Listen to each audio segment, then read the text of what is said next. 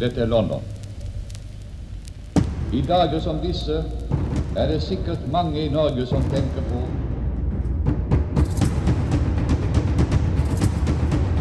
Jeg vet at jeg i denne sendingen når langt utover havet, vestover, der det ennå er kveld, Hei, og du ønskes med det her eh, velkommen til nok en promoepisode av eh, podkastserien Hitlers krig, som eh, snart starter opp med sin ordinære sesong én. Også nordmenn endte opp med å bli SS-folk på rømmen etter krigen. Og ikke alle ble hjulpet videre til Argentina eller Chile. Noen gikk rett og slett under jorda i Tyskland. I dag skal vi se på historien om Gunnar Oddvar Klempe, som var 18 år gammel da krigen kom til Norge. Han kasta seg ut i motstandskampen, men da han ble tatt til fange av Gestapo, meldte han overgang til den andre sida. Og det fikk fryktelige følger. Ikke sant, eh, Asbjørn? Ja, det ble litt av en historie for denne 18-åringen som Eller det så ut som han hadde landet på den riktige siden, som det allerede den gangen het. Tidlig i 1941 så eh, ble han eh, Gestapo-medarbeider. Det som skjedde, var at han eh, ble brukt i en organisasjon som drev med kurervirksomhet. Smuglet først og fremst informasjoner så tidlig under krigen fram og tilbake over svenskegrensa. Gunnar Klempe kom på toget fra Stockholm da han ble plukket til side av Gestapo tatt inn til avhør, og han måtte vedgi, vedgå at han hadde vært eh, på den norske legasjonen i Stockholm. Og han måtte fortelle hvem han hadde snakket med, og hva dette handlet om, og hvilke informasjoner han skulle bringe med seg tilbake igjen til Oslo. Stilt overfor trusselen om at han hadde mange år i eh, konsentrasjonsleir eh, foran seg, så ga Klempe etter og uh, sa seg villig til å utlevere en liste med alle kontaktene sine i motstandsbevegelsen. Og det virket. Kort tid senere så ble han satt på frifot igjen. Og kort tid etter det så var han blitt en av eh, Hitlers gutter i Norge, altså medarbeider i Gestapo. Etter et års tid så uh, sluttet han seg også til uh, de SS-frivillige og kom til uh, divisjon Viking mot slutten av 1941. det merkelige med ham er at eller Det merkelige med biografien hans er at han øyensynlig bare er noen få måneder i SS-tjeneste før han eh, midt i mars 1942 dukker opp igjen i Norge og får jobb eh, i statspolitiet, altså det nazifiserte eh, norske politiet. Fra 1944 så er Klempe også sjef for germanske SS Norge i Tyskland. Dette var en organisasjon som ble opprettet for å støtte SS-organisasjonen. Eh, både ideologisk, men også økonomisk. Eh, I Norge så hadde GSSN, som det ble kalt eh, på folkemunne, rundt 5000 medlemmer. Altså, flesteparten av de var ikke i aktiv tjeneste på fronten. Det var av en eller annen grunn. Enten fordi de fysisk ikke var skikket, eller fordi de var uerstattelige i eh, den posisjonen de hadde i apparatet hjemme i Norge. Men du Asbjørn, hva sto GSSN for, egentlig? Germanske SS Norge. Altså det er den helt tilsvarende organisasjonen som det som ble kalt Allgemeine SS i eh, Tyskland. Og det er vel kanskje mange som tenker på ja, men hva betyr SS? Eh, Schutzstaffel. Da har vi i hvert fall eh, oppklart det for dem som måtte sitte og lure på hvorfor vi ikke kan av og til bryte ned disse forkortelsene. Men den, der, den godeste Gunnar Oddvar eh, Klempe, det er én ting jeg må spørre før du går videre. Er det noen spesiell grunn til at eh, jeg ikke har hørt om han før nå? Er det her noe som har vært lenge skjult? Ja, det er det. Han Eller det har ikke vært godt kjent. Det er ikke en av de aller største og mest spennende historiene, men den er sannelig spennende nok, spør du meg. Umiddelbart etter at han hadde blitt Gestapo-medarbeider i 1941, så ble han eh, offisielt ansatt som eh, sjef i et nyopprettet agenturfirma med kontorer i Christian Augusts gate 19 i Oslo. Der hadde han en hovedagent som det var han som uh, førte kontakten med. Altså, Gestapo brukte en 18 år gammel uh, nyansatt Oslo-gutt til å styre en av sine viktigste agenter. En kar som uh, hadde lovet at han skulle skaffe oversikt over smugling av mennesker over grensa til Sverige. Dette gikk ikke så bra. Han fant ikke noen menneskesmuglere. Så agenten begynte å organisere sine egne smuglerruter, som han tok godt betalt for. Og da han hadde gitt ordre om, eh, eller beskjed om hvor eh, flyktningene skulle møtes eh, på et eller annet sted i Oslo, så tipset han også Gestapo, og så ble disse menneskene da snappet opp og satt i fengsel. Eh, dette ble avslørt av tyskerne til slutt. De var heller ikke så lykkelige over å bli tatt ved nesen eh, på den måten, for eh, de betalte jo også for tjenestene.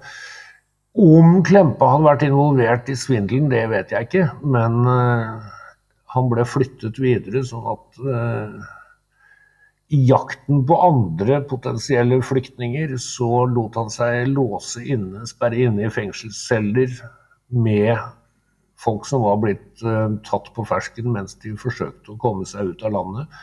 Enten over svenskegrensa eller med uh, båter fra vestkysten til, uh, over til Storbritannia.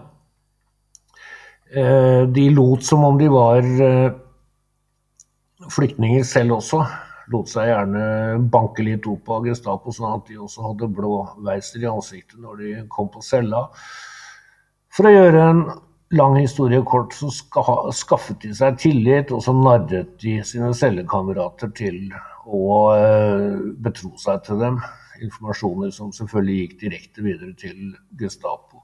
Også bare, kjent som det klassiske arbeidet i det negative rom? Ja, f.eks. Så han eh, Klempe jobbet mye sammen med den senere beryktede Knutinger Kaas, Finn Knutinger Kaas. Han eh, ble etter krigen dømt for mange slike tilfeller som dette.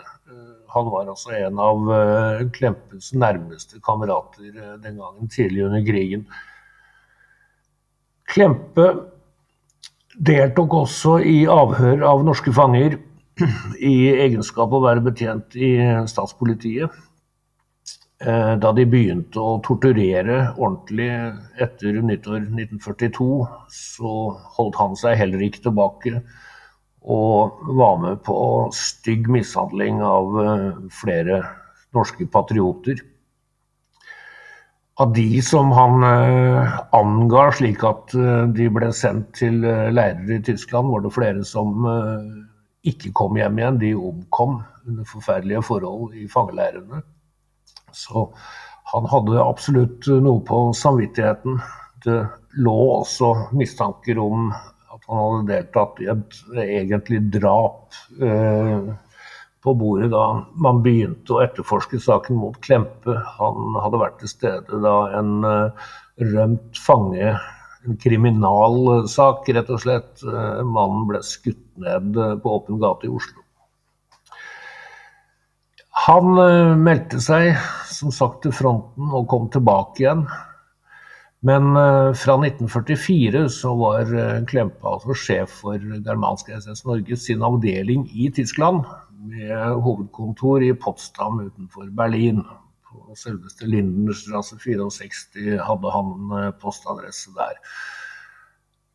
Jobben skulle i utgangspunktet være å holde kontakten selvfølgelig med andre GSSN-folk i Tyskland. Men uh, han, hadde, han, drev også frontkjemperkontoret, det såkalte frontkjemperkontoret uh, på Rikskommissarens uh, representasjonskontor inne i Berlin. De tok imot frontkjempere som var på vei fra fronten tilbake igjen til Norge. Det hjalp dem med velferdstiltak, billetter, penger, sånne ting og selvfølgelig også folk som var på vei den andre veien til fronten. Men eh, da det begynte å bli klart at eh, for enhver at denne krigen ikke gikk tyskernes retning i det hele tatt, så ble det bestemt at frontkjemperkontoret skulle flyttes til Flensburg i Nord-Tyskland. Og dit skulle også Klempe reise for å ta seg av eh, virksomheten der. Han eh, dukket opp i slutten av mars 1945 og leide et butikklokale hvor det ble satt opp store skilt om at det var dit nordmenn på vei hjem igjen måtte komme.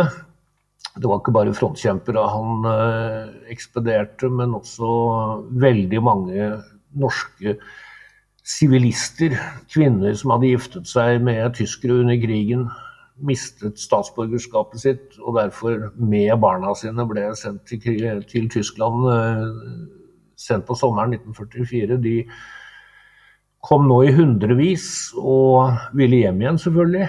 Og det fikk de hjelp til der. Eh, det virker som om eh, alle nordmenn under de paniske tilstandene som rådde ved den tysk-danske grensen, var innstilt på å hjelpe hverandre. Gunnar Klempe hadde sin kone med seg, hun var høygravid. Og hun hadde med seg eh, sin lille datter. Han mente at eh, hennes fremtid i Tyskland ville bli veldig vanskelig, så det var mye bedre om han kunne få henne til Norge. Og derfor så ga han ordre til en norsk Eh, frontsøster som var ansatt på kontoret hans i Flensburg for, for den tida det, den jobben tok. Hun ble sendt med Klempes kone og lille barn nordover. Først på toget til Århus, hvor de måtte vente i nesten to uker. Og så kom de seg med en ferge til Norge.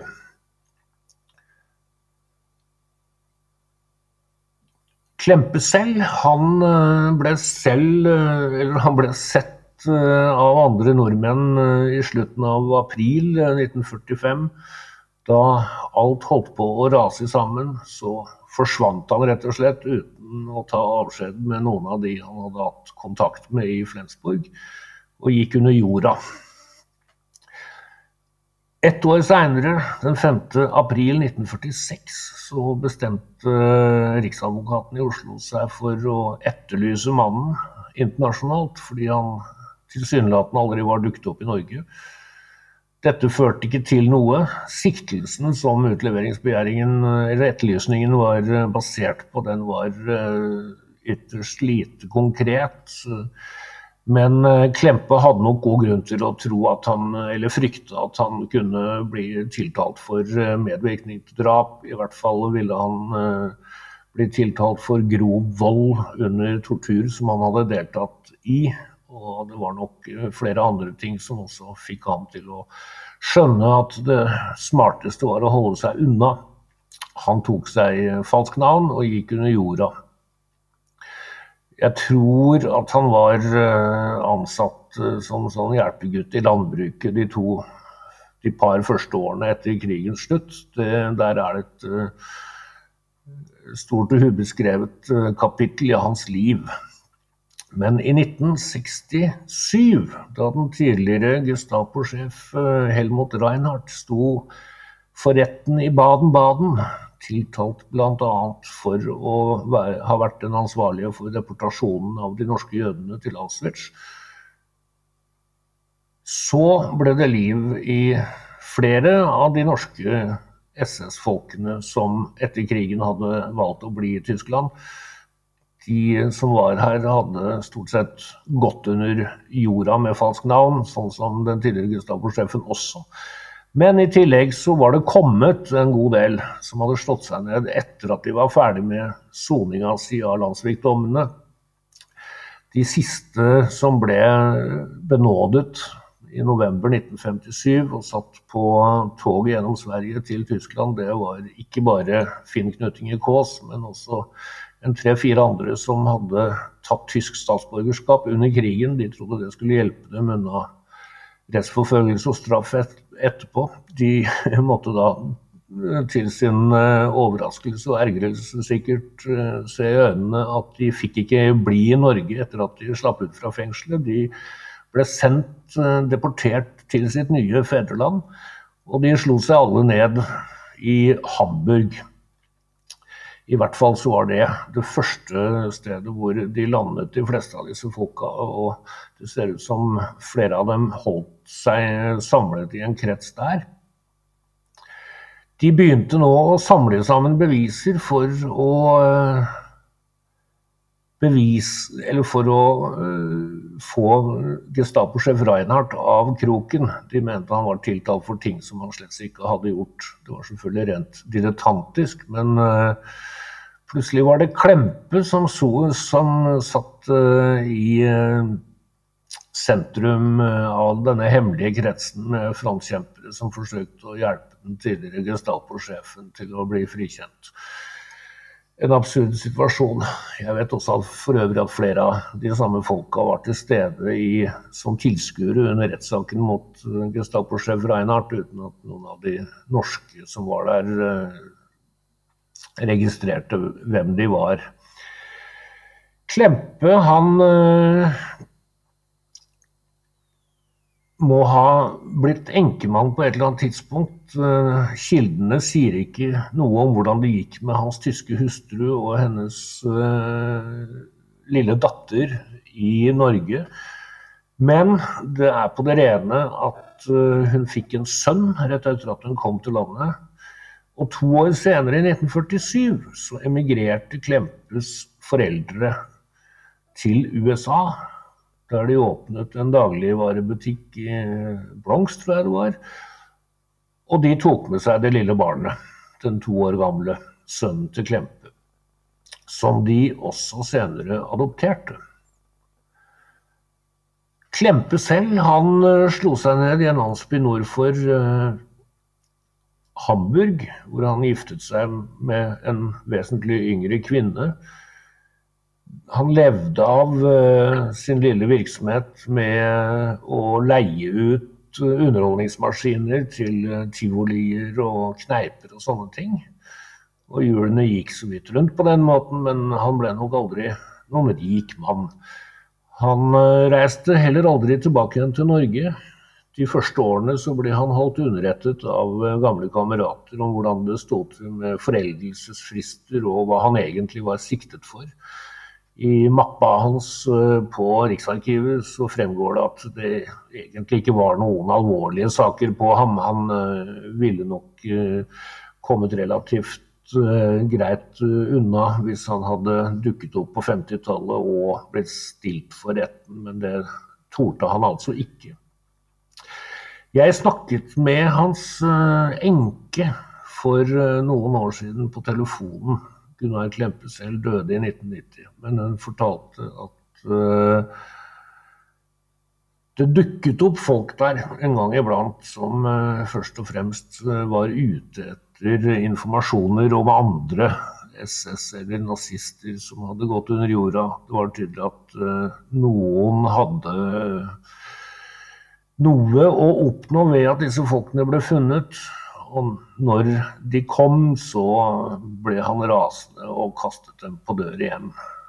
Du har kanskje lagt merke til Asbjørn, at uh, i dag har jeg sittet og vært sånn usedvanlig stille og, og, hørt på det. Og det er jo fordi at jeg har jo aldri hørt en um, historie her. Vi kan jo fortelle til dem som hører på oss, at noen ganger så researcher vi historier sammen og bestemte oss på lang tid i forveien hva vi skal ha som tema. og vi, vi finner informasjon, du har informasjon også. I de ordinære episodene så kommer jo faghistoriker Gunnar D. Hatlehor til å, til å være med oss og, og berike det her med historikeren sitt um, perspektiv. Den historien her, Asbjørn, har du jobba lenge med den? Har du, har du nøsta lenge i uh, Oddvar Klempe sitt liv?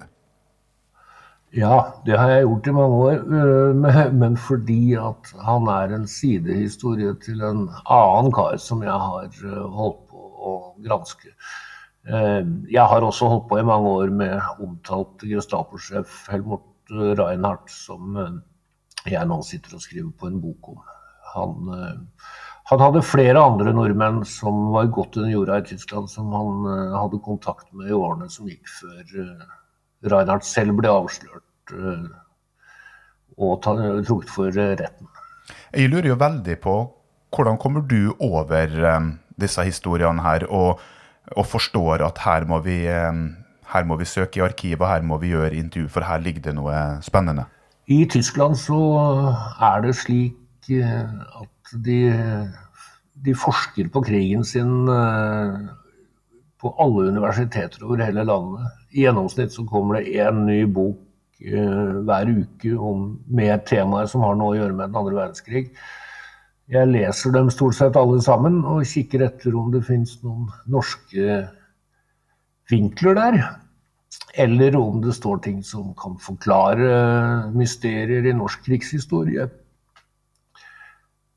Og eh, selvfølgelig så er vi på stadig jakt etter eh, dokumenter i arkiver som kan fortelle oss mer om eh, ting vi egentlig har hørt om tidligere. Og etter hvert så begynner vi også å oppdage elektroniske, digitale faktisk, spor eh, etter eh, tidlige norske historikere som hadde med seg en kjempediger båndopptaker under armen. Og i årene umiddelbart etter krigen reiste rundt i Tyskland og intervjuet mange av de viktige aktørene. Disse båndene har ligget der i årtier seinere. Ingen har hørt på det. Og hvis de hadde gjort det, så er alt på tysk, så det er heller ikke så enkelt uh, å forstå hva som blir sagt hele tiden. Og så skal man jo selvfølgelig også ha litt peiling på krigshistorie for å få øye på hva, er, hva som er hummer, og hva som er men det fine er jo at uh, de båndene har jo uh, du begynt å høre på, Asbjørn, og etter hvert så vil jo våre lyttere få innblikk i de båndene. Og kan vi allerede nå uh, fortelle at eh, nye ting kan komme til overflaten? Ja da, vi oppdager stadig nye interessante ting som ikke passer helt inn i historien slik den har vært fortalt til nå. Men så er det jo også det med historie at eh, den også uh, utvikler seg hele tiden. Ikke så dumt å bli uh, lytter av uh, Hitlers krig da, og klikke på abonner og vente på at historiene ruller ukentlig inn i podkast-playeren din.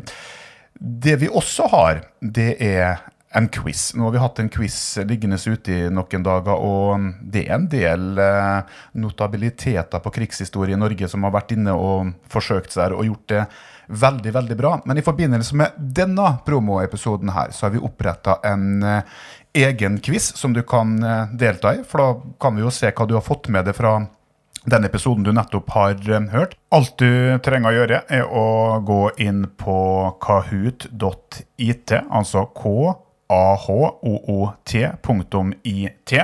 Og så skriver du inn pinnkoden 06775407. Da er du med i quizen om akkurat denne episoden her.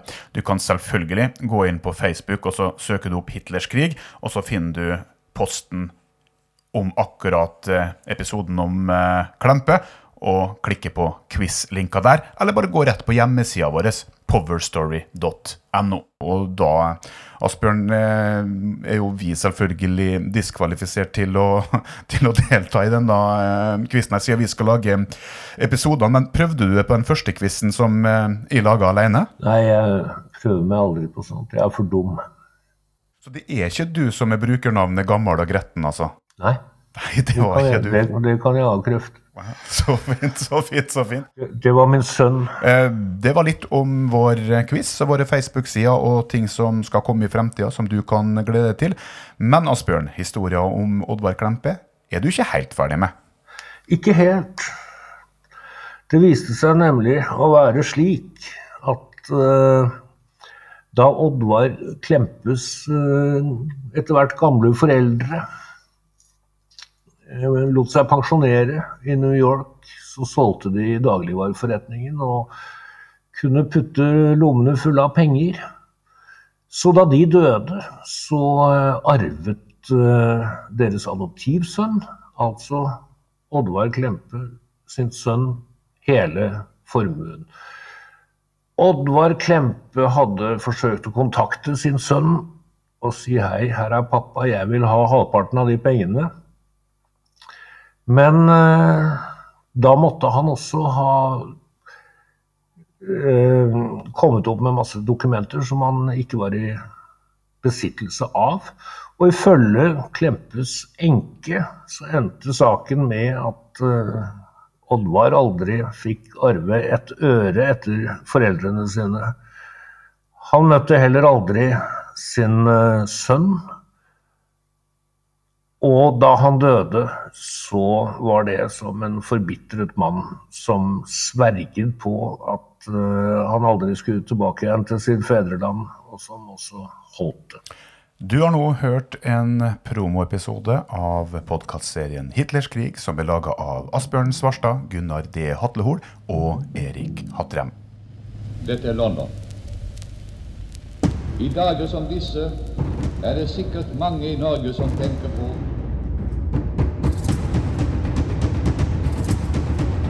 Jeg vet at jeg i denne sendingen når langt utover havet, vestover der det ennå er kveld,